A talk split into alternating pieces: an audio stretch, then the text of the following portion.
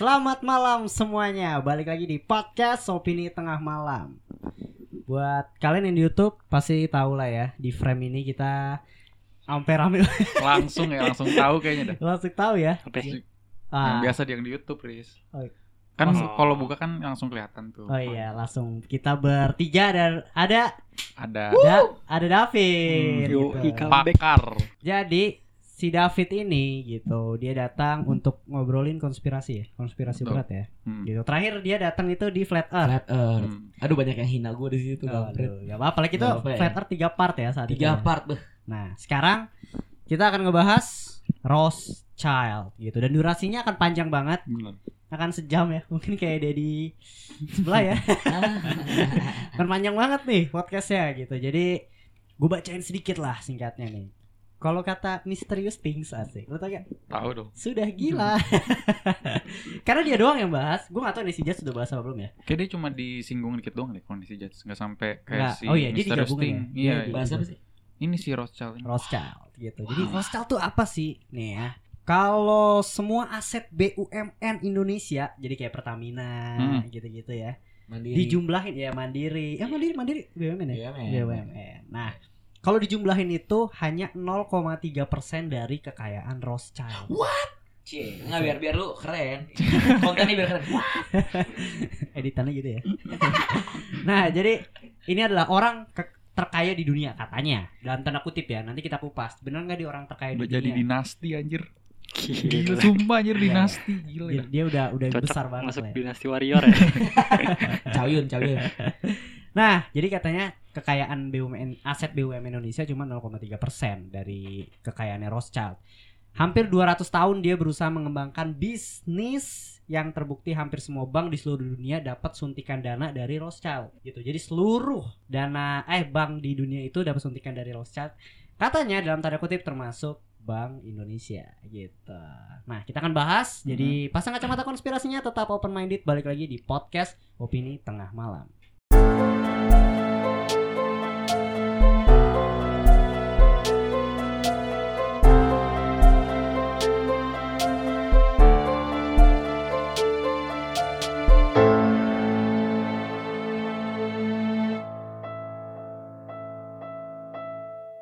Nah, apa kabar para pendengar? Gitu. Ini mungkin konten yang ditunggu-tunggu ya. iyalah apalagi ada Faris Ada nih. Faris. biasa pada nyari-nyariin anjir Ada Bahasa basinya sama mulu dah tiap gue balik. Ada nyariin sumpah. Riz nggak percaya banget dah Bohong, gue bokis. Ya, tapi tapi benar serius ya lumayan lah ibaratnya kalau ada Hmm. Faris tuh listener naik gitu Wah. kita bertiga nah, sekarang ada David nih kita undang sebagai apa ya mungkin ya warna baru mungkin ya Iya, untuk udah. narasumber lah Narasumber biar jadi juga ada pandangan-pandangan yang Hmm. berbeda lah kayak gitu Dan jadi kita akan bahas Rothschild dan mungkin David kenalin dulu deh Oh iya. kita yang belum kenal nih hubungannya apa sih ini sama keluarga Rothschild Asik. Gak ada lagi lah lu. Udah udah gak main sama lu orang gue kalau main sama Rothschild tuh. Iya, gue David Servus sebelumnya udah pernah ada di podcast Opini Tengah Malam ya bahas Bahas, Flat kita hmm. waktu itu. Iya. Gue flat earther dan konspirator. garis keras gak nih Nah, enggak lah, enggak lah. Oh. Enggak, lu orang harus percaya bumi itu datar. karena kenapa Yang penting lu tahu ada Rothschild dan kawan-kawan. Oh. Yeah, they, they, they really exist. Oke, boleh, boleh, boleh. Tapi lu kan, nih kita kita gua intermezzo aja. Lu bumi masih bulat apa datar? masih bulat Faris? Bulat. Oh, boleh. Iya, Gak apa-apa. datar emang apa ya? Gila. Santai, santai. Dia jaga follower biar lu orang tetap ikut OTM. Kalau dia bilang datar, lu orang pergi. Nah, buat yang di YouTube nih, kita nggak ada kan episode Flat Earth ya. Bisa langsung aja Iya. dengerin di podcast gitu di Spotify. Nah, jadi jadi jadi durasi ini kan mungkin akan sejam lebih gitu. Gue udah sempat mention kalau nggak salah kita tuh ada di Karya Karsa ya. Hmm. Jadi yang di YouTube mungkin dan di podcast for public gitu. Jadi itu cuma 45 menit sampai 50 menit gitu karena over durasi juga nggak Hmm. bagus untuk opini tengah Benar. malam ya opini tengah malam siapa tuh ibaratnya kan mungkin kalau Gofar Hilman Nah. Nah, Deddy. Corbuzier. Nah, mau tiga jam juga didengerin Nah. gitu kan. Nah, karena kita ya masih sebatas 45 menit sampai 50. Jadi Oke. untuk durasi fullnya gitu, kita akan ngebahas atau diskusi tentang Hmm. sedikit tentang Illuminati dan Freemason gitu. Dising- Jadi disinggung ya yes, kita bakal singgung, kita bakal lebih sensitif di sana dan untuk fullnya mungkin kalian bisa dengerin di Karya Karsa nantinya. Jadi di Karya Karsa itu salah satu platform yang bisa support kita. Nah, ini sedikit sedikit penjelasan ya. Kalian harus dengerin nih ibaratnya. Jadi opini tengah malam itu akan ada sebulan sekali gitu. Sebulan sekali akan ada tema diskusi yang konspirasi banget nih kayak gini. Minimal. Yes, minimal. Hmm. Minimal sebulan sekali itu akan ada konspirasi yang gila banget, akan durasi sejam banget gitu ibaratnya dan itu akan ada di Karya Karsa untuk fullnya ya. Jadi kalau di Karya Karsa tuh sistemnya kalau nggak salah ya. Jadi kita tuh ngasih misalnya, misalnya ya, kalian tuh support kita 35.000 nih. Hmm. Selama 6 bulan ke depan kita kan per season ya mainnya ya. Season 5 sel- selama Hmm. 6 bulan ke depan kalian akan dapetin uh, konten-konten eksklusif opini tengah malam gitu selama enam bulan misalnya kita ada eksklusifnya tiga kali ya selama tiga bayar tiga puluh ribu kalian dapat tiga kali Tapi udah pasti dapat 6 udah ya. pasti dapat enam Minimal. minimal kalian bakal dapat lebih jadi cuma bayar sekali Hmm. dapat semua kalau Netflix kan ibaratnya kalau apa ya langganan gitu kan sebulan bayar sebulan sebulan sebulan sebulan gitu Tapi Nah, kalau mau beli satuan juga bisa. Beli satu bisa Iya. cuma rugi sebenarnya Oh, jadi mending langsung ya. mending langsung sebenarnya Tapi siapa tahu emang ada yang pengen dengerin episode ini doang kan. oh iya Oh. itu boleh boleh banget nah eh, kita nggak maksa sebenarnya ya Hmm. karena itu kan juga Mm-mm. terserah kalian gitu kita cuma ngasih kita pengen diskusi dan kalau kebatas waktu tuh nggak enak Hmm. gitu. kurang lebih kayak gitu kalian bisa langsung kunjungin karya Karsa dan David mau ngomong apa? Jangan lupa untuk beli Toyota di gue. Aku sales Toyota. Oke. Nanti nomor teleponnya Nah, ntar ada ada. Boleh, Ada boleh boleh. bisa. Di mana? Di mana Toyota? gue di Daan Mogot, Oh, Auto di- 2000 ya. Atau 2000. Apa aja ada nih? Pokoknya bunga bunga murah, Heeh. harga terbaik, diskon terbaik. Apa aja ada Toyotanya? Apa aja das, all type. Hmm. Oke. Rothschild tuh nggak sampai ikut pakai Toyota ya? Mana ada dia? Oh ada kali ya, Prof. Ada kali. Mahal banget. Kayaknya. Avanza ada dia. Ada cuy. Adalah Ada. minimal buat pembantunya lah ya. Innova Innova masuk deh. Nah kurang lebih kayak gitu dan opini tengah malam kita akan break sebulan ya kita akan Hmm. break sebulan jadi ya untuk konten-konten di YouTube mungkin akan ada cuma monolog-monolog doang dan nanti di Februari kita akan nongol lagi bertiga dan dengan konspirasi-konspirasi serta film-film yang menarik lagi lainnya. Nah langsung aja kita bahas Rothschild nih jadi dia tuh orang terkaya di dunia cuy. Gue pengen nanya sebenarnya lu sempat berpikir nggak orang terkaya di dunia itu siapa sebelum lu kenal Rothschild ya? Lu vet Gua udah pasti itulah ntar. Bakri. Bakri ya. ah, gue ntar gue salah ngomong. Enggak enggak bakri. Oke. Bill Gates kayak gue gua. Lalu Bill Gates. Faris. Itu kayaknya sempet banyak deh gue baca ada Warren Buffett, ada Jeff Bezos. Jeff Bezos, iya. Bill Gates juga sempet. Iya. Lu Fit. Bill Gates, Bill Gates. lo Bill Gates ya gue ya gue juga Bill Gates sih sebenarnya tapi yang gue bingung kenapa Rothschild gitu tuh nggak pernah dia di open for Hmm. public gitu dia tuh selalu under underground lah ibaratnya ya tapi dia tuh kayaknya kaya banget dia salah satu orang yang mengatur bank dunia dan ngatur peperangan peperangan juga gitu nah gue sempat sempat kepikiran sih kira-kira uh, dia nih dengan hartanya sekaya itu kenapa dia nggak mau nonjolin ke publik Apa takut ketahuan kali ya? Nanti Nah, sebenarnya kan kayak, Rahasia-rahasianya. kayak Forbes apa Forbes ya bi- biasa Hmm, sering iya, ngeliput iya. orang-orang kaya. Itu kan dia kan menilainya kan dari pajak. Nah, ini yang ngatur bank sentral gimana pajaknya? oh dia salah satu juga yang ngatur emas cuy katanya Naik Emas, bank emas. sentral. investasi Jadi, dan lain-lain Bener-bener bawa tanah. Jadi gimana cara nilai kekayaan? Oke, oke. kurang menarik. lebih kurang lebih kalau logik- logiknya begitu. hmm, hmm. menarik, menarik. Oke, boleh, boleh. Tapi dia kalau nongkrong, eh dia Nongkrong Oke, nongkrong anjing. di mall gak ya? di mall. Gue gak tahu, tapi dia salah satu mungkin yang menciptakan emas, ya kan? Eh, maksudnya salah satu orang yang berperan naik turunnya emas, harga dolar mungkin, maybe gue juga nggak tahu ya kan? Binomo, ya kita nggak ada yang tahu. Kalau kan? curigaan aja. Ya kurang lebih kayak gitu dan oh ya by the way Merry Christmas and Happy New Year sih Hmm. ini akan Merry tayang 30 Christmas. Iya akan tayang Asik. 31 Desember. Benar benar. Yoi. Gitu. Langsung masuk aja nih. Jadi Rothschild. Rothschild nih gue sambil baca ya, nggak apa-apa nih ya. Jadi Rothschild adalah sebuah dinasti bankir Yahudi Jerman di Eropa yang mendirikan berbagai bank dan institusi keuangan Eropa pada abad ke-18. Jadi selama 1800-an nih, pada masa puncaknya keluarga ini diyakini memiliki kekayaan pribadi terbesar di dunia sekaligus kekayaan terbesar dalam sejarah dunia modern gitu. Jadi dia dari tahun 1800 nih udah kaya nih ya. Dan kekayaan keluarga ini diduga mulai menurun karena terbagi-bagi ke ratusan turunannya. Jadi keturunannya itu udah berapa ya? Setahu Iya, gue udah Mungkin itu salah satu alasannya hartanya nggak maksudnya kan kalau kayak Bill Gates itu kan dia sendiri Hmm. dia hartanya buat dia sama keluarganya dia yang terdekat aja kalau Rothschild kan harus dibagi-bagi iya, ke iya, seluruh keluarganya kan yang ada ratusan. Nah. mungkin Iya, maksudnya tapi nggak nggak nggak kayaknya nggak bakal pernah habis. Maksudnya nggak ada tuh dia Hmm. filosofi yang tujuh turunan tiga Nah, turunan. Iya ya anjir udah bukan tujuh turunan lagi Iya, Bim BUMN aja 0,3 persen men.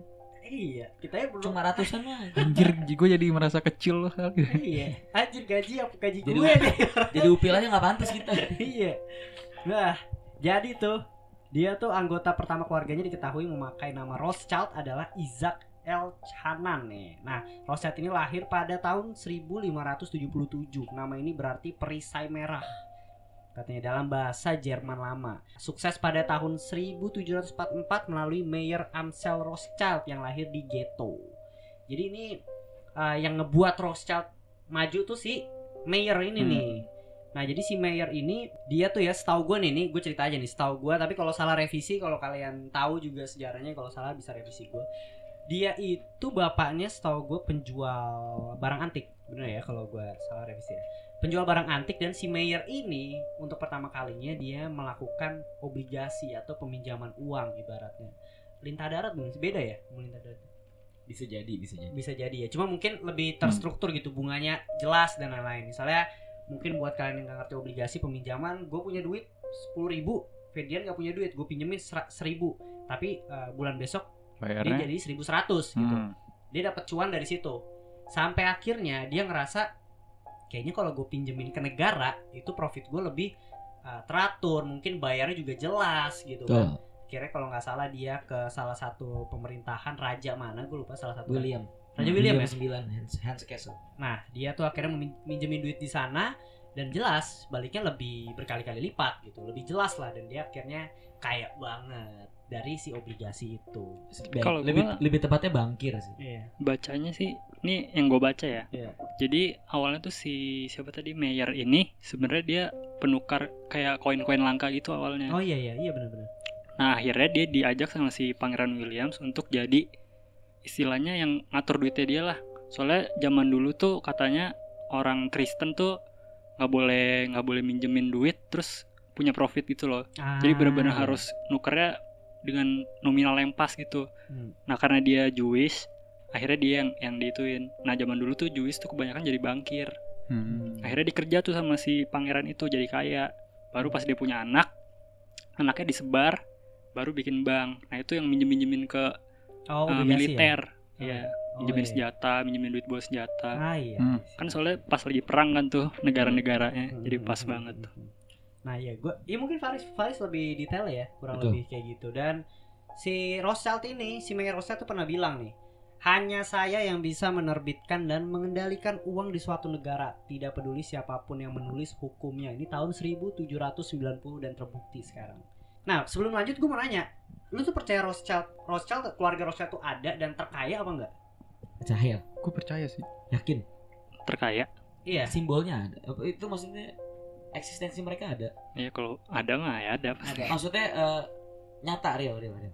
Cuma Buat kalau terkaya, ya nggak tahu juga sih. Mungkin siapa tahu ada yang lebih gila lagi dan lebih under the Nah. radar lagi. Nah itu gue nggak tahu. Kita Enggak, gue yakin dia terkaya. karena sejujurnya ya. Garanti. kita research Rothschild gitu yang lu temuin sedikit banget ini Hmm, berarti iya informasinya bener gak sih sampai akhirnya teori konspirasi yang eh, nyebar gitu Iya. karena minimnya informasi tentang Rothschild ini gitu dan kalau gue gue sendiri sih ya cukup percaya sih ada setahu gue enam ah, keturunan terakhirnya itu Lord ya Ah, Rothschild ya ada ada keturunan terakhir Yang paling lupa. tua, yang paling tua sekarang Jacob. eh. Jacob ya Ya cuma dipanggilnya Lord. Lord eh, Rothschild. Ya, dia masih ada gitu. Nah, jadi si Mayer Rothschild ini berhasil mempertahankan kekayaannya melalui pernikahan buatannya secara hati-hati gitu. Jadi ini si Rothschild nih si Mayer ini ibaratnya dia nggak mau uangnya itu ke mana-mana. Hmm. Dia mau uangnya stay di keluarganya dia sampai kapan pun. Akhirnya dia buat nih nikah eh, sesama apa ya darah Sama ada. Sepupu. sepupu yang kayak gitu-gitu kan akhirnya anaknya banyak. Ya karena tadi anaknya kan lima disebar ke negara-negara. Iya. Tapi boleh nggak fit menurut lo? Gimana ya? Lu ngeliat gue? Ya kalau gue sih nggak mau. Gue nggak tahu boleh bang ya. Gue Iya, sih nggak iya mau lah. masalah. Lu nikah sama sepupu lu mau? Ini sih Iya iya iya. Tapi sepupu jauh kitanya kali. sendiri. Sepupu jauh kan beda. Enggak, jadi misalkan anaknya lima nih. Ada, Ada sekalian gue sebutin dia ada Hmm. Amsel von Rothschild itu di Frankfurt, Hmm, Jerman. Hmm. Terus ada Salomon ini di Vienna, Austria. Austria. Terus ada Nathan Ini di nih. London ya ini yang paling sukses katanya terus ada Carl di Napoli Hmm. sama ada James di Paris jadi misalnya Jack. si si Salomon ini punya anak cowok nih si Nathan punya anak Mm-mm. nah anaknya Nathan nanti sama si itu gitu Iya gitu. Jadi kayak Iya. tukeran gitu. Dia Ya, jadi- ngatur kan? jadi dia nggak nikah sama abangnya nggak cuma sama sepupu Iya. iya Anak sama lu sama anak ponakan gitu Mhm. Hmm, Oke, tapi oke. tetap aja aneh Cuma kan kita pernah dapat mitosnya ya. Ini ini mitos ya. Kayak kalau lu nikah sama darah tuh anaknya bisa Cacat. Iya. Makanya kan tadi dibilang diatur. Iya, Bim kayaknya diatur, Diatur biar biar nggak ini. Oh. dipelajarin kali Ya, makanya- genetiknya. Iya, masih genetiknya gitu. Oh, iya. Eh, min- apa sama sepupunya gitu yang Iya, agak jadi yang jauh, rada jauh gitu kan. ya. Oke, ini sedikit melenceng nih. Berarti di era itu eh, Yahudi itu bener-bener di- lagi di atas ya, sangat-sangat di atas ya. Wah, zaman hari ini kan. Iya, oke, gue gue gue setuju sama itu karena beberapa banyak banget ilmuwan-ilmuwan dia eh, Yahudi kan. Hmm. Maksud gue pas eranya Jerman gila kan bener-bener sempat ancur-ancuran kan. Kita Hmm. pernah bahas tuh di mana namanya Holocaust. Holocaust gitu. Berarti di saat ini tuh Jerman pun masih dikuasain sama bangsa Yahudi saat itu ya. Hmm, berarti seribu. Iyalah seribu tujuh ratusan. Oke. Nah, konspirasinya nih akhirnya nih ya. Rothschild itu juga memainkan peran dalam kekalahan Napoleon Bonaparte dan beberapa perang dunia. Yang tadi Faris bilang anaknya disebar gitu, akhirnya melakukan obligasi peminjaman-peminjaman apa ya? eh, senjata gitu, dia supply-supply Duit. gitu. Nah, sebenarnya konspirasinya gue sempat baca nih, gue nggak tahu bener apa enggak. Misalnya kedua negara tuh perang gitu, dia itu bisa lihat nih kira-kira kalau yang A menang lebih menguntungkan dia dia bakal supply senjata sebanyak mungkin gitu jadi eh, itu konspirasinya ya gue nggak tahu gitu kalau nggak salah ini gue sempat baca juga eh, Brazil saat itu perang sama mana ya gue lupa salah satu negara gitu Brazil ancur-ancuran banget ibaratnya kalau lu mau lepas dari penjajahan lu harus bayar uang sejumlah eh, berapa triliun misalnya yang bergerak siapa Rothschild Rothschild supply dana ke Brazil sampai Brazil lepas dari penjajahan dan akhirnya Brazil otomatis utang budi. Rothschild juga dapat profit dari situ sampai sekarang Brazil se- sebesar sekarang gitu ibaratnya. Ya pergerakan pemutaran uangnya dapat Rothschild ibaratnya. Pintarnya dia di situ. Karena dia emang udah kaya dari awal jadi dia enak maininnya. Dan Napoleon Bonaparte salah satu Hmm. dia kekalahan itu ya lawannya disuplai senjata sama si Rothschild gitu. Dari perang dunia pertama sampai kedua. Ya lanjut lanjut. Ntar, Iya. gua, ntar, ntar, ntar gue bahas boleh ya? Yang boleh, boleh, boleh, boleh. Gue udah gregetan banget nih. Asik. Canda canda. Nah, terus, gergetan. Apa ini yang bikin gergetan? Ini juga nih, sebenarnya ini kalau ini teori konspirasi aja sih ya. Gua juga nggak dapet detail ya, tapi katanya salah satu pembunuhan-pembunuhan tokoh penting dunia itu salah satunya ada campur tangan Rothschild. Oh. Nah ini gua nggak tahu. Katanya sih ada yang bilang Kennedy. Katanya Iya. sampai Titanic juga si Sampai Rothschild. Sampai Tit- iya Titanic juga salah satunya. Nah itu gua nggak tahu ini sampai liar banget. By the way ini kalau sana YouTube kita bisa dimonetize, dolar kuning kita nih. Oh my god. tapi konspirasi katanya emang sering di dolar kuningnya sih Apa sih luar nih? nggak duitnya nggak dikasih kita gitu loh Oh. Anjir tadi gue salah dong. Ya nggak apa-apa gitu. Kan Belum. masih ada segmen film. Oh, Oke oke. ya kayak gitu by the way. Nah lu tanggapan lu gimana terhadap Tanggapan gue bisa aja ya.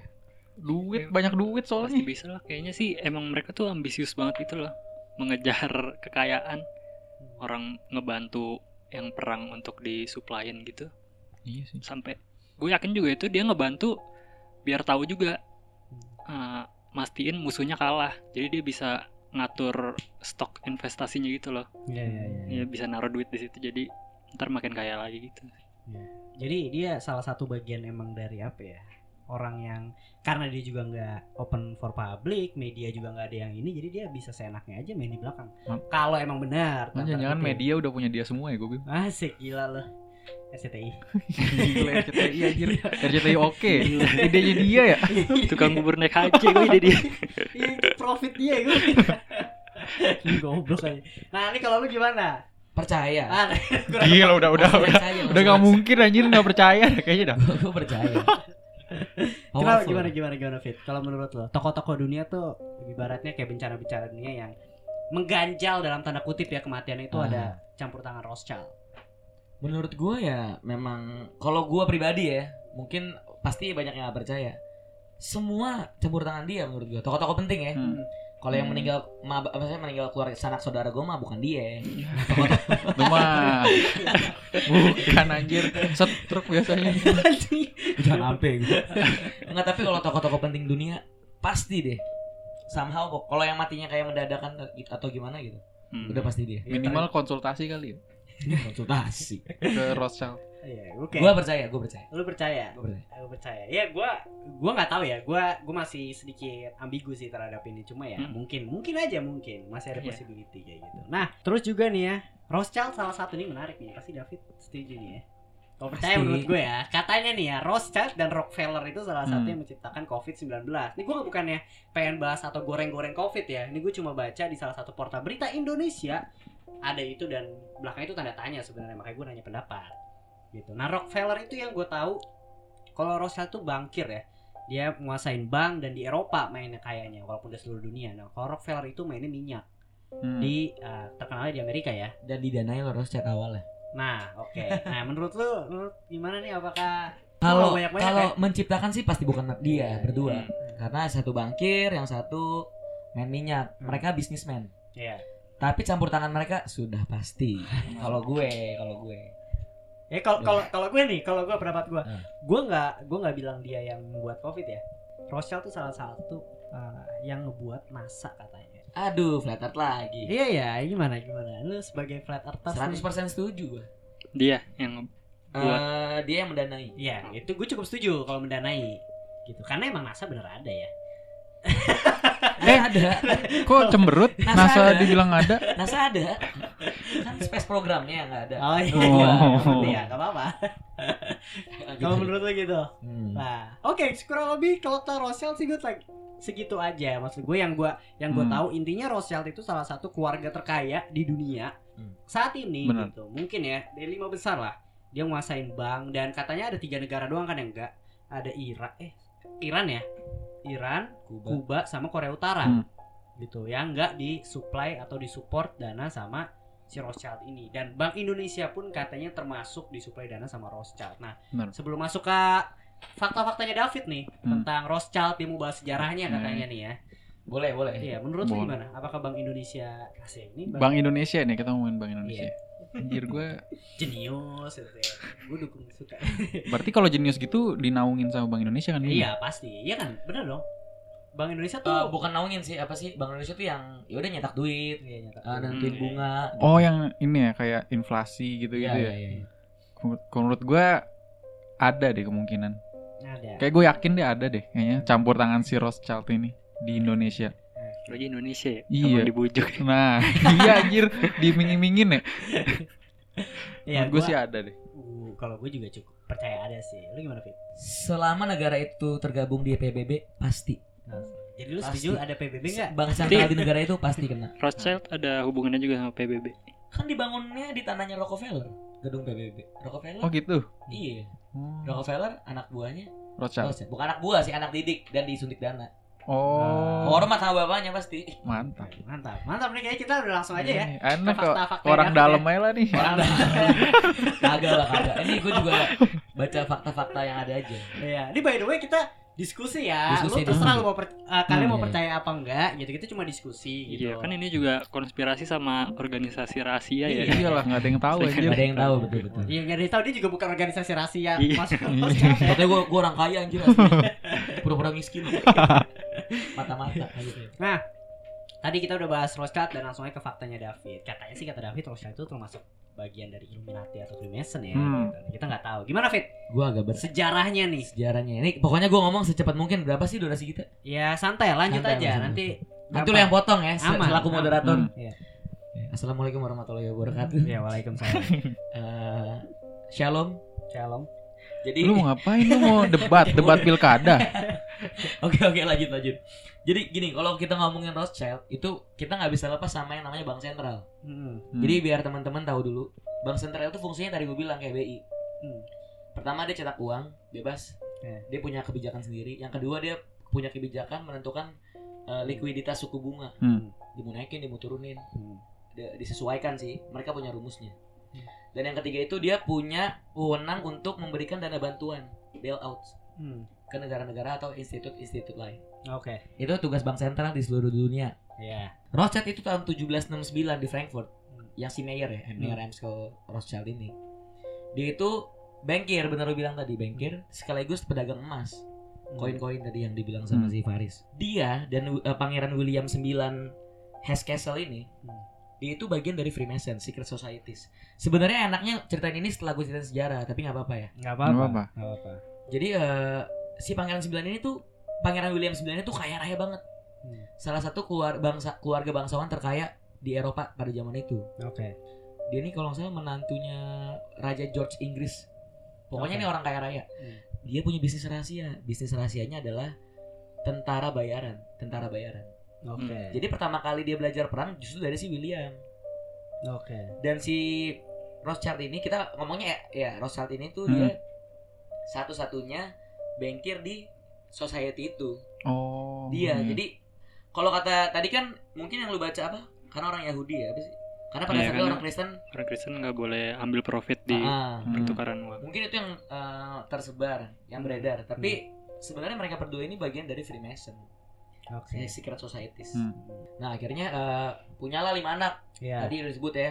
eh apa tadi? Amskel, Solomon, Nathan, Carl, James. James itu bahasa Inggrisnya, bahasa Jermannya Jacob. Artinya sama Yakobus. Oh, iya. Hmm.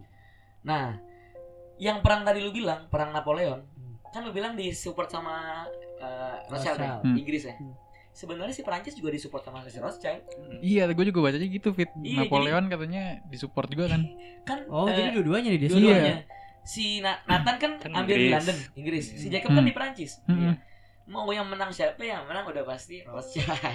Oh, Iya, anjir. gue. Dua-duanya sama-sama balas budi, dia kalah, tapi dia tetap balas budi pasti. Tetap Iya. merasa punya utang budi. Ngerti gak Tetap sih? harus balikin. Meskipun kalah ya. Nah. Tapi kan dia kan udah bantu gua gitu. Mantap nih Rothschild. Ba- eh, Illuminati itu muncul pertama kali masih Rothschild ini tahun eh, 1776 tanggal 1 Mei. Oke. May Day, May Day. Oke. Nah, jadi eh, namanya dulu eh, Bavarian Illu- Illuminati. Ya tahu nih gue. Itu di Jerman Tenggara. Ah, Kalau lu tahu Jerman Tenggara itu lokasinya itu dekat sama dua lokasi anaknya Rothschild. Di Frankfurt sama di eh, Austria. Oke. Jadi berdekatan. Dibangunlah di situ Bavarian Illuminati. Hmm. gedungnya di situ. Nah, jadi ada satu orang disuruh bertanggung jawab namanya Adam Weishaupt. Dia itu seorang profesor di salah satu universitas di situ. Oke. Bavarian Illuminati. Lucunya nih tahun ya, 1 Mei 1776. Illuminati muncul, dua bulan kemudian Amerika jadi negara pertama yang merdeka, ah, bukan, negara pertama di dunia yang terbentuk secara republik. Amerika. Itu eh, Juli 1776, gue lupa deh Hmm. detailnya gue lupa 13 tahun setelah itu terbuat Prancis jadi negara republik makanya kenapa lu sekarang kalau lu baca di Amerika uang dolarnya itu tulisannya tuh Novus Novus Seclorum Seclorum Novus Ordo Seclorum artinya the age the order of the new age Hmm. Hmm. atau the the new world order tatanan kehidupan baru Hmm. Ih, gua kemarin misa serem banget Apa? misa ditatipnya gitu selamat kan gue katolik ya brother Hmm. selamat menjalankan misa di tatanan kehidupan baru wih di serius Ini normal maksudnya. Nah, tatanan kehidupan baru lu coba ikut misa deh di gereja-gereja yang offline ya. Nah. Natipnya bakal ngomong kayak gitu, men. Waduh. Jadi lu ngerasa gereja salah? Bukan gereja salah. Waduh, cut cut cut cut cut cut. Bukan gereja salah. Jadi somehow somehow kita udah ikut sistem. Oh. Mau nggak mau, mau nggak mau. Kita nggak punya power yang kuat untuk gue gue mau mau mau, mau nggak nggak setuju sama statement itu. Ya menurut gue itu hanya omongan aja. Dia nggak Iya. tahu. Iya. Iya, iya, bukannya ini. Cuma kita somehow pelan-pelan, pelan-pelan dari situ dulu. Heeh. Masa tapi nah, tahu Hmm, gitu. hmm. Iya. Iya, Iya. Untuk Bavarian Illuminati itu akhirnya si Rothschild ini mengumpulkan para intelektual kayak lawyer, hakim, Hmm. gubernur, ekonom, profesor. Nah, dikumpulin Illuminati ini, mereka cuma punya satu tujuan, menguasai perekonom menguasai perekonomian kurang ini. Iya. Menguasai perekonomian dan pemerintahan dunia. Bavarian Illuminati. Jadi yang tadi gue bilang tuh eh, sebelum ini kan gue bilang sama lu, Pet. Freemason itu belum tentu Illuminati. Kalau Hmm. Illuminati dia sudah pasti mengemban ideologinya Freemason. Freemason yang gue tahu itu tetap sekte penyembah iblis. Oke. Nah mungkin lu punya tadi kan kayak Iya, nanti nanti kita bahas. Nanti kita bahas ya, Freemason. ya. Nah jadi eh, intinya tuh si Rothschild ini tuh membangun bank sentral di mana-mana. Hmm. Tetap si bank bank pertama yang keluar tuh Bank of England, Ba- Bank Bank of England, Inggris. Hmm. Tapi itu bukan zamannya Rothschild, itu tahun 1694. Bank swasta, lu harus tahu nih. Yang orang tahu kan bank sentral tugas cetak-cetak duit, tugas pemerintah kan? Hmm. Enggak men. Bank sentralnya Inggris tuh swasta, bank sentralnya Prancis swasta. Federal Reserve, bank sentral Amerika itu swasta. Nah jadi eh, nanti akan berujung ke sana. gue sambil baca ya teman-teman. Iya, nggak nggak apa-apa. Menarik nih, menarik nih. Em, dan tadi yang kata dibilang sama si apa, enggak sama lu akhirnya boyfriend Illuminati di ini Lagi serius juga lu, dibubarkan Ah. tahun 1784 karena dinilai berbahaya. Berbahayanya Illuminati ini untuk orang-orang yang sungguh mengerti ini ide- ideologi yang sangat berbahaya. Meskipun boyfriend Illuminati udah hilang, tapi ideologinya tetap hidup ngerti lo oleh Hmm. orang-orang itu. Kantornya udah nggak ada. Iya, dulu, iya. dulu ada kantornya. Kantornya udah nggak ada, orang-orangnya udah nggak ada, tapi ideologi itu masih ada. Pokoknya gue harus kuasain dunia. Nah, ini ini menarik nih. Ini menariknya sama aja sebenarnya sih. Bisa eh, gue simpulkan lah ibaratnya kayak Nazi itu kan udah mati gitu. Tapi kalau nggak salah sempat muncul yang namanya neo-Nazi gitu. Hmm. Yang kayak ideologi-ideologi yang tetap menganut kurang lebih sama. Yang itu Bim, yang 22 Juli tuh ya. Yang mana? Yang 22 Juli. Oh, 22 Juli iya, ya, itu ya kan? juga kan. Itu kita pernah bahas tuh sama Febrian. Iya. Nah, itu malah Faris mungkin udah nonton belum, Mis? Dikit. Udah, nah Tapi itu, ngerti. itu Hmm. itu juga dia ngerasa kan ideologinya dia dia ngebom semua Iya. membunuh apa sih namanya orang yang lagi camping ditembak-tembakin Hmm. karena ideologi dia masih sama kayak yang Nazi Iya, bener. ini menganut gitu nah jadi ideologinya nggak pernah mati Yap. gitu Dan Oke. zaman zaman sekarang tuh udah bukan perang tus-tus lagi, Hmm. perang ideologi. Ideologi kita diserang. Hmm. Supaya kita punya pemikiran yang yang diinginkan sama elit Hmm. global. iya Hmm. Elit global si Rockefeller. Aduh, elit ya, global si Rockefeller, Rockefeller, Oh, JP Morgan dan kawan-kawan. oke iya. kalau gue gue sempat ini sedikit, sedikit gue potong ya Eh gue rada setuju mungkin ya Illuminati emang sebenarnya kan tadi lu bilang udah mati juga kan nanti kita akan bahas detailnya Hmm. di akhir udah mati dan eh, ini sempat sedikit nyambung sama gue pernah buat podcast sama teman gue gitu lu mungkin David belum tahu gitu Hmm. jadi tentang Illuminati teman gue pengalaman diajak sama Illuminati di, dia kerja di salah satu rumah sakit rumah sakit ternama dia megangnya kelas A Hmm. yang kalau seandainya dia itu nanganin ibaratnya menteri-menteri Hmm, yang kayak hmm. gitu-gitu ya. Nah, dia kedatangan sama kedubes di salah satu negara. Nah, di situ dia diajak lah ibaratnya sama Hmm. ideologi yang dia sebenarnya nggak tahu. Dia nggak bilang kalau dia itu Illuminati. Hmm. Dia nggak pernah bilang dia Illuminati. Cuma dia ngomong gini. Nah, ini sedikit aja, sedikit kalian bisa dengerin full di podcast kayak apa sih lagi di dunia yang lu cari gitu Hmm. sebenarnya Tuhan tuh udah udah mulai udah mulai nyindir nyindir Tuhan gitu. Hmm. Padahal temen gue tuh orang yang cukup agamais gitu. Agamanya kuat lah, ibaratnya kayak lu lah Fit. Ah, enggak juga. Ibaratnya ya seriusan seriusan maksudnya ngerti ngerti paham agama dan lain-lain gitu. Hmm. Dia sampai sempat terhasut gitu. Dan dia ditunjukin foto-fotonya nikahan anaknya yang ada kepala kambing, ada gambar bintang yang kayak ornamen-ornamen yang sebenarnya itu aneh banget. Hmm. Gitu. Dan pendetanya pun ini kan gue nggak tahu. Fit. Ini gue mau nanya lu nih Ah. pendetanya pun eh, aneh gitu. Kayak dia pakai baju hitam terus ada ada apa angka 6666 gitu dan eh, sorry sorry to say dia tuh punya penyakit yang kayak pendek gitu kayak kayak ucap baba katanya. Maksudnya pendek gitu pendetanya gitu. Aneh pakai topi gitu. Ya kurang lebih kayak gitulah. Gitu. Jadi ya balik lagi ke ideologi. Ideologinya mungkin masih hidup sampai sekarang dan Sampai sekarang. iya gitu. Sekarang Illuminati udah di mana-mana. asik. Iya, orang fotonya begini. Apa tuh? Orang fotonya sering banget begini kan? ya tapi kalau kayak gitu banyak juga orang-orang yang nggak ngerti foto Iya. Tapi, Tapi- untuk orang yang ngerti, dia emang sengaja share. Emang simbol itu tuh sebenarnya apa sih? Maksudnya Nanti kita bahas di sana. Oh. Gue juga belum tahu tuh simbolnya buat. ada yang bilang Maksudnya kan- itu sampai masuk di duit loh. Duit Hmm, loh. Betul. SpongeBob Iya. masuk. yang yang ada matanya bukan? Iya, benar, mat yang mata mata. segitiga itu loh. Iya ya. Sebenarnya ini kalau umat muslim kan apa Al-Masih Dajjal mata satu, si mata Hmm. satu. Hmm. Tapi tadi kan gue research sedikit kan. Iya. Hmm. Jadi eh, yang ini kan yang ada tulisan New Order gitulah. Jadi menurut para penganut apa sih namanya sejarah, maksudnya tuh awalnya ini kira-kira ya awalnya tuh birth of a new country soalnya buat Amerika kan waktu itu. Hmm. Jadi kayak eh, negara baru gitulah. Hmm. Aturan baru terus yang mata itu ditaruh situ tuh katanya tahun 1500-an itu itu sebuah simbol untuk eh, Tuhan yang yang Maha eh, melihat. apa? Ya pokoknya yang mengawasi manusia-manusia Hmm. gitu. Jadi di lukisan-lukisan Renaissance dulu udah dimasukin gitu sama artis-artis zaman dulu katanya. Kalau Iya. setiap ada lukisan misalnya Tuhan gitu Yesus, ntar di atasnya ada kayak gituan. Jadi Oh. eh, simbol untuk Ah. Tuhan ngeliat manusia-manusia gitu loh mengawasi. Hmm, masih positif nih. Iya. Emang ilu- positif. Dulu, dulu tuh gue pernah ini iseng Hmm. apa lo apa join ke Illuminati www.illumination. Wih gila. Iseng Soalnya tadi David pas Faris jelasin udah senyum-senyum Iya, anjir. iya. enggak enggak Kayak udah pengen ngebantah nih. Enggak, Iya, udah kayak ngebantah, Matanya udah merem satu aja. Emang dulu, dulu tuh gue sering dikirimin email sama Oh. Illuminati. Serius gak? Serius. lu masuk Fit. ada ininya nggak cuma join dari internet doang dia Apa? kayak uh, Website dear dear David the Servus gue lupa ya www.illumination apa Lah itu kok bisa lu? Awalnya dari mana? searching searching sendiri Oh. cuma terakhir gue searching ya udah nggak ada webnya tuh gue dikirimin email setiap berapa itu uh, Illumination kirimin gue Hmm. dia David the Servus pokoknya dia ngomong-ngomong dia sampai jual merchandise cuy Iya. iya Eh, terus endingnya begini ke mana pun lu pergi kita selalu mengawasi lu eyes on you Oh. Oh, iya gitu.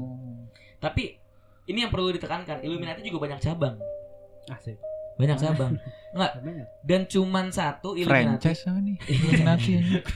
nggak cuman satu eh, cuman satu eh, Illuminati yang tujuannya untuk menguasai perekonomian dan pemerintahan dunia yaitu Bavarian Illuminati-nya si Hmm. Rothschild udah bubar cuma Rothschildnya masih ada Cuma kalau sekarang tuh tujuannya apa sih?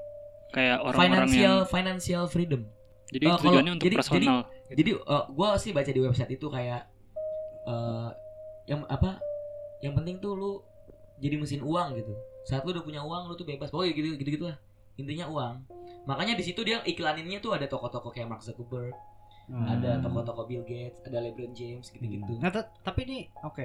Rothschild berarti lu lu bisa asumsikan kalau dia itu Illuminati. Illu- dia yang buat Bavarian Illuminati Oke, Hmm. iya. Dia dia salah berarti Satu ibaratnya Mei. ideologi dari dia juga dong. Iya, Atau karena mungkin- dia awalnya dulu Freemason Iya. nah dia pengen punya visi sendiri gue pengen kuasain dunia ah pemerintahan sama Nah, tapi kalau misalnya ini ini sedikit sedikit nyambung mungkin ya. Kayak misalnya selalu ya dikaitkan orang-orang kaya, orang-orang ini selalu dibilang ah, ini Illuminati, Illuminati gitu. Hmm. Apakah lu percaya misalnya let's say Bill, Bill Gates gitu, apakah dia Illuminati? Kalau gue menurut lu, percaya gue percaya bagian dari Rothschild gue sangat percaya Bill Gates bagian dari Rothschild menurut lu? bagian Bagian. Bagian. Lu misalnya apa maksudnya ya mungkin kalau sekarang kan bisa placement ya. Hmm. Nggak, kalau lu kalau misalnya mereka mereka inilah yang disebut elit global menurut gue ya. Nah, misal maksud gue gini, Illuminati tapi sampai Bill masuk Gates Bill Gates enggak lah ya nggak masuk elit global lah dia kurang kaya lah Kurang kaya. kurang kayak kaya gimana? secret society elit Eh, global tuh oh, maksud lu yang global. secret society itu yang Iya. benar-benar di underground banget nih. iya elit global kayak Rockefeller JP Morgan masuk nggak di Forbes nggak masuk Hmm. Iya sih, Kaya baru baru tahu sih. Jeffrey Epstein aja Iya ya. Itu dia termasuk kaya juga kan? Saya punya pulau tapi dia juga gue gak tahu ya. Nah gue punya kalau tadi pandangan Illuminati dari David dari Faris juga ada ya gitu tentang apa sih yang pokoknya mata yang Hmm. mengawasi lo gitu dan lain-lain. Nah gue punya gue juga sempat research nih tentang Illuminati sama Freemason itu sendiri. Cuma tang- dalam tanda kutip masih positif ya? Atau mungkin uh, beda pendapat lah gue sama lu pada gitu ini by research gua yang mungkin kalian juga bisa riset gampang di internet. Jadi orang taunya Illuminati tuh menganggap Illuminati itu sama aja kayak Freemason gitu, padahal jelas berbeda. Jelas keduanya bagian dari secret society, namun Illuminati sudah dilarang sejak tahun 1784. Sedangkan Freemason masih ada sampai saat ini. Nah, tadi lu bilang Rothschild itu dirikan Illuminati, Illuminati ya lu bilang ya. Tahun berapa tadi? 1000 1 Mei 1776 Bavarian Bavarian Iya. Illuminati. 17 76 76. 76 berarti umurnya nggak lama 1784 tuh udah dibubarin 17 1784 tuh dibubarin betul setahu gue itu juga salah satunya menentang Vatikan juga sempat menen- menentang ya terhadap ideologi yang ada di Betul. Illuminati itu juga kan eh Vatikan gue gue kurang tahu gue kurang pokoknya beberapa negara Vatikan juga deh Vatikan juga ya, iya jelas sih Fit kalau lihat dari ideologinya ya kayak gitu ibaratnya Nah, dari segi agama, Freemason adalah sebuah perkumpulan yang terdiri dari pa- para pria yang memiliki visi dan misi sama, yakni terpisah dari agama. Gitu. Nah, kita sempat bahas nih yang di Rusia tuh. Apa namanya? Aduh, gue lupa lagi. Yang Tuhan Yesus dari Rusia. Oh, iya. Kenapa itu? Itu kayaknya salah satunya menurut gue ya, kategori Freemason.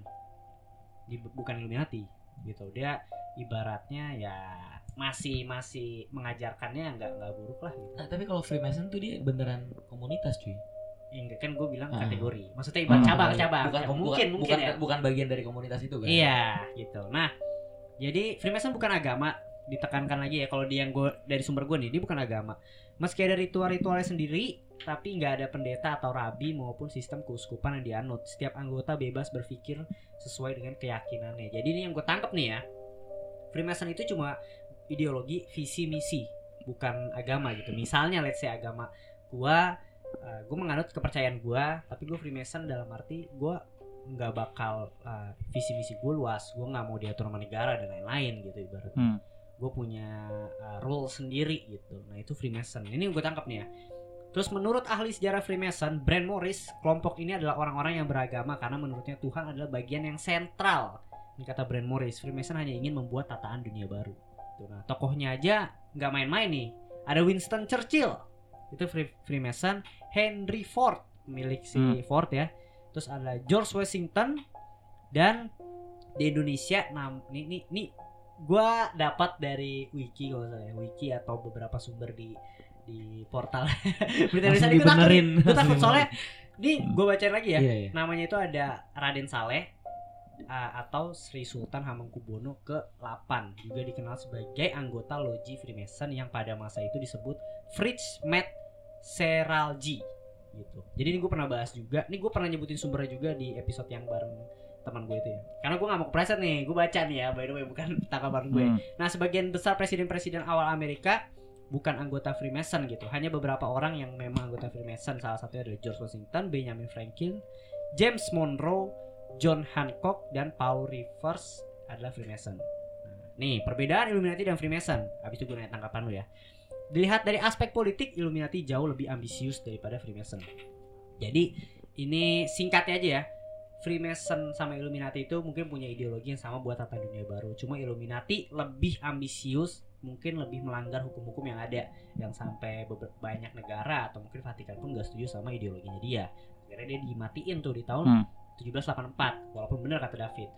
Walaupun dia dimatiin ideologinya pun masih tumbuh sampai sekarang. Ya gue nggak tahu ya kenapa bisa kayak gitu ya. Menjamur lah, udah menjamur gitu ibaratnya. Nah, orang-orang akan menggunakan istilah seperti Illuminati untuk menyebut apa pun yang mereka tidak sukai atau mungkin dianggap menentang nilai-nilai yang mereka anut. Jadi kata Joseph Uscinski, seorang pol- ilmuwan politik di University of Miami, sekaligus salah satu penulis buku American Konspirasi Teori. Nah, dia tuh bilang kata Illuminati kata Illuminati ini tuh udah jadi ibaratnya apa ya simbol yang sedikit negatif gitu jadi kalau misalnya lu Fat lu melanggar lu misalnya lu nggak ibadah Hmm, hmm. padahal ya maksud gue itu udah urusan masing-masing lu tetap percaya Hmm. Tuhan lu nggak Iya. ibadah cuma bolos sekali dua kali ah Illuminati lu gitu. maksud gue jadi kata-kata konotasi yang yang dilemparkan orang gitu jadi Hmm. mereka kurang tahu ideologinya apa pun yang melanggar norma yang ada di negara itu mungkin disebut Illuminati atau Freemason Iya, kalau yang kayak jadi negatif itu yang bener sih.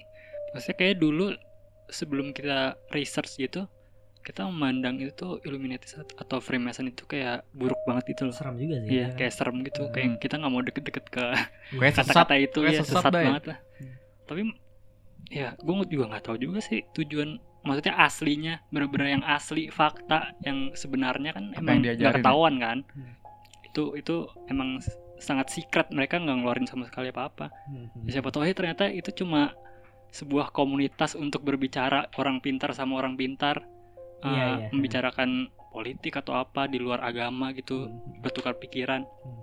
soalnya eh, kayak gampang banget gitu ngajak orang gue baca ada kayak suaminya ngajak istrinya lo mau nggak ikut ke Freemason kayak lo bakal suka deh gitu-gitu iya jadi kayak aneh Hmm. gitu loh Ya, gue sempat baca, gue kalau Freemason sama Illuminati sempat baca, li- eh, lihat di YouTube ya beberapa juga wawancara Vice gue nggak salah pernah pernah bahas itu juga dan ya gue nggak tahu ya bener kata Faris segampang itu ngajak gitu dan dan ya nggak tahu sebenarnya yang diajarin tuh apa. iya itu aneh sih gue malah research bukannya dapat dapat informasi malah apa sih ini jadinya dia ngapain sih di situ ada secret handshake Iya. terus katanya nggak mau dikasih lihat secret handshake kan di- ditanyain Iya, dia maksudnya sampai masuk ada Illumination Hmm. Production kan, kayak eh bukan production, produksi yang yang si Minion, ya itu Oh, kan iya iya, kan? Karena minionnya mata satu lah bisa lah Iya, diambilnya mungkin. dari situ Ya. SpongeBob dikasih Hmm. Easter egg Easter egg gitu yang kayak The Simpsons dan lain-lain gitu. Kita sampai sekarang nggak tahu Illuminati itu kayak gimana. Nah, Fat, karena durasi kita juga sudah terbatas nih ya, sudah Betul. wah, gila 50 menit ya. 47 sih lebih tepatnya. Hmm. Mungkin tanggapan lu terhadap Rothschild, tanggapan lu terhadap Rothschild tuh kira-kira dia tuh nyata apa enggak? Dia mengatur dunia atau enggak? Konspirasi-konspirasi yang ada tuh berhubungan sama dia apa enggak? Apakah dia bagian dari Illuminati? Nah, tanggapan dari masing-masing lu setelah ini gitu. Kita masih Hmm. lanjut karena kita Masih masih. masih ada bahan ya. Kalau udah Masih selesai mah banget. harusnya kita stop. Oke oke. Iya. Masih banyak banget nih. Kayaknya masih gatel banget nih ngomong dari tadi. Goyang kiri, goyang kanan. Banyak banget sebenarnya. Dia- ya udah. Dia masih ba- pengen bahas Illuminati sama Nah. Lebih detail gitu. Cuma karena temanya sensitif dan durasinya ini diangkat. Tapi lu lah. bukan salah satunya kan? Gue diem diem aja. Ternyata. Tapi Gimana tanggapan lu? maksudnya topiknya bakal bisa dijadiin episode baru sih. Kayak Iya. sejarah Illuminati pasti kan lu tau banyak banget kan bisa Apa nih? sejam sendiri kayaknya deh. Iya kita bak- Bisa jadi. itu bakal sih, kita Fit. bahas juga. Maksudnya Karena di- kita belum bahas Knights Templar loh. Oh iya belum ya. Lupa. Ntar aja, ntar aja. Iya. Bahas habis ini ya, Hmm. habis ini. Ya kalau seandainya keburu kita kelarin kan. Habis ini diangkat, kalau nggak keburu jadi episode selanjutnya. gitu. Gimana Fet? Tanggapan lu dulu Fet? Kayak tentang si Rothschild ini kalau menurut gue dia ada sih nyata sih. Dari yang udah pada lu omongin tadi, gue menurut gue nyata dan dibalik teori konspirasi orang-orang gede atau peristiwa-peristiwa besar, menurut gue perang aja dia sampai berpikir seperti itu. Gimana kayak cuma konspirasi yang kayak begitu, menurut gue dia pasti ada sih. Dan itu fakta nggak sih? Itu Hmm. fakta nggak sih ketika dia mensuplai dana kedua Ya nggak tahu Iya. juga sih. Maksudnya Bank sentral mah ya fakta lah. Emang mm, eh, dimiliki oleh mereka. Enggak Iya, yang ini fit yang kayak perang-perang. ya yang kayak dia yang ngatur Enggak mungkin. ini mati ini mati. Nggak mungkin di reveal, pasti di diem lah. Gila masa. Iya. Enggak maksud gue Iya, nanya itu itu uh, fakta apa enggak? Iya, ada kemungkinannya gak gitu. Pasti ada sih kalau kemungkinan. Harusnya ada sih bukti-bukti harusnya ada deh. Mm-mm. Oke. Gimana Is? Ya kalau Rothschild sih apa ya? Menurut menurut yang gue baca sih ya, mungkin ketika tahun 1800-an bener dia yang paling kaya. Cuma kalau sekarang ini mungkin kayaknya ada yang lebih lagi deh daripada dia. Hmm. Soalnya kan dia pernah ngalamin kejatuhan kan kalau nggak salah di bank banknya itu di Iya. mana ya Frankfurt ya kalau nggak salah apa Mhm. di dua kota dia pokoknya pernah longsor gitu Hmm. nggak nggak sukses gitulah namanya bisnis ya nih. ya Hmm. akhirnya ditarik gitu yang di dua kota Hmm. gitu sih Oke. Lu gimana Fit? Dia paling kaya. Oh, iya, iya, paling kaya. Dan, Paling dan semua kaya. teori konspirasi yang kayak pembunuhan itu ada ada ada campur tangannya. gue percaya itu dia cuman eh, gue nggak mau apa kayak gimana ya ya udah pasti dia gitu nggak bisa lah ngomong kayak gitu Rothschild divisi konspirasi. nggak bisa Asik. kayak misalnya PKI gitu kan misalnya Ah. PKI itu kan juga konspirasi tuh banyak tuh Ah. teori-teorinya tuh ntar lu, lu bahas lagi lah belum sih. Belum ya, belum. nggak Sensitif tahu ya ya. emang. Indonesia. Yang berani bahas tuh detektif Aldo. Kalian bisa dengerin di Detektif Aldo. kan? Iya. tapi ya itu sih karena kerahasiaannya yang bener-bener Iya. nggak keluar sama sekali Malah bikin jadi muncul teori-teori yang kita bikin Iya, Betul. iya, iya, benar. karena benar. saking penasarannya kita sama kehidupan ini orang betul jadi makin Iya. banyak nih Karena- jangan dia baik ya. Donatur anjir. Iya, dia harus ditekankan. Dia salah satu donatur. Donatur besar untuk pan apa sih? Anak-anak Iya, yang Yang nama mampu Bill Gates lain-lain. ya? Oh yang di Afrika bukan sih? Gue lupa. Dia salah satu salah Coba satu yang donatur yang besar banget gitu. Ya kita nggak tahu lah ya. Hmm. Kita- dan gue baca juga si Nathan tuh yang minjemin duit ke perang itu katanya juga dia salah satu yang ngebantuin slavery di UK katanya dia ngebeli slave-slave-nya terus dibebasin aja dibeli sampai miliaran dolar Hmm. tapi ya balik lagi kan bisa aja kan Ya, diatur kan tahu, semuanya iya. diatur Inggris aja dibantu Media. perang For the greater good serius. iya Eh kita Pikir kita nggak ada yang tahu karena pas kita cari Rothschild juga tak gue pikir konspirasi bakal banyak kan Hmm. anjing materinya dikit banget nyet gue sampai bingung juga karena dia bener-bener nggak nggak nggak ngebuka banget Tapi Ya, gua- seandainya dia bener ngeri dah. Apalagi ya bisa nguasain yang seluruh mata uang. termasuk euro tuh ide jadi ya ini bola euro. Oh, mata uang mata uang. Euro. Oh bola. ya. Tadi campur tangannya ya salah forum lu. Ya kayak gitulah. Masih abu-abu sih ah. sebenarnya kalau gua.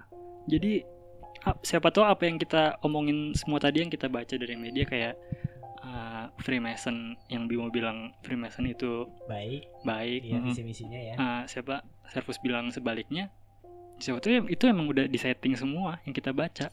Sebagai yang kita Yang- tahu itu. iya yang aslinya ya nggak dikasih di media. Jadi pusing kepala gue. iya. Itu tersimpan di gue pijitin. Marina Web ya. Oh, Iya. iya, gila semuanya balik lagi ke situ dah. iya kita pernah bahas juga Marina Web tuh. Apa tuh kemarin sih ini. Mariana Web kayak more kan than deep ada web. dark Hmm. web tuh. Bawahnya lagi yang kita nggak bisa akses cuma pemerintah doang yang bisa Nah, by Pakai the way, komputer iya, khusus. itu gue setuju. Gue salah satu teman gue itu anak IT gitu gue dia tuh pengen bahas ini. Hmm. mungkin Marinas yang season 2 gitu ya buat buat kita bahas ya. Karena dia dipercaya banget dia di- hidup di dunia IT dan dia tahu dan bener ada eksis itu dunia Hmm. itu bener ada. Tapi gue nggak tahu Marinas apa enggak jadi itu sedikit aja sebelum gue tutup.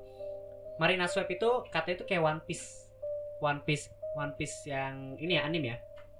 Jadi di sana ada salah satu IT yang bener-bener jago banget dulu. Dia tuh naruh satu chip yang nggak tahu chipnya itu di mana isinya tuh katanya rahasia apa pun. Dan IT IT hacker hacker tuh pada pengen nyari tuh si uh, chip itu katanya. Gitu jadi berlomba-lomba. Hmm. dan di di ya webnya udah dalam dalam dalam banget gitu dan komputernya juga harus support banget gitu. Itu menarik banget. Dia pernah pernah cerita dan diceritain juga dia sama waktu dia kuliah dia sampai ya dia udah main lah udah main ke deep web dan Hmm. dark web. Kalau nggak pernah bisa gitu kayak gitu ya untuk Rothschild. Nah sorry banget ya tadi Hmm. sempat terputus karena kamera saya baterainya habis gitu karena terlalu lama. Itu salah satu faktor kenapa kita kalau durasinya satu jam tuh repot banget Iya. gitu. Jadi harus Iya. pinjem kamera gitu. Dan makanya frame sedikit beda. Dan lanjut fit. Lu tadi mau bahas apa aja nih setelah yang kita akan diangkat nanti di karya karsa? Iya, sebenarnya sih tadi mau bahas kayak eh, eh, gimana sih caranya dia bisa masuk bank sentral Amerika? oke Dia kan orang Jerman tuh. Ah, ah, Terus kan Hmm. masih sebarnya di Eropa. Tapi Hmm. akhirnya dia bisa masuk Amerika gitu. oke Terus sampai bisa punya eh, anak didik kayak JP Morgan, Rockefeller tuh gimana sih? Mm-mm. Terus kayak ini eh, dulu tuh dia tuh ada upaya tuh untuk pembentukan eh, mata uang euro. Jadi Hmm. mata uang euro tuh bukan baru-baru ini terjadi. Dari 100 sa- tahun 18 sekian tuh udah ada upaya untuk itu gitu. Hmm, oke Dan ada satu orang, satu kepala negara yang eh, nggak setuju, akhirnya nggak jadi euronya terus dibunuh. Nah itu ntar pengen gue ceritain juga. oke dan kata lu tadi Karl Marx itu salah satu apa namanya masih ada hubungan darah ya sama Bukan Rusia? hubungan darah, eh, dia punya dia, dia, dia punya hubungan tapi bukan darah. Jadi iya Nathan Nathan Mayer itu punya istri, istrinya punya sepupu. Itu si Karl Marx, pendiri eh, pendiri komunis. oke Lu demen lagi, lu demen nih? Enggak, itu pernah gue belajar kuliah. Filosofi, Oh, filosofi, filsafat, iya, filsafat, filsafat, ya. filsafat dapat sih Karl Marx. Oke, kayak gitu aja dari podcast opini tengah malam. Mungkin ya untuk episode Rothschild dan Hmm. buat kalian yang pengen dengerin pembahasan lanjutannya tentang yang tadi David sebutin ya bisa langsung aja di karya Karsa. Dan kalau nggak pengen juga nggak apa-apa ya. Hmm. Udah clear juga tentang Rothschild dan mungkin yang obrolan setelah ini lebih Deep lagi lah. deep lagi atau mungkin ngalor ngidul. Nggak lebih deep kayak gitu. Oke, sampai ketemu di episode berikutnya. Bye.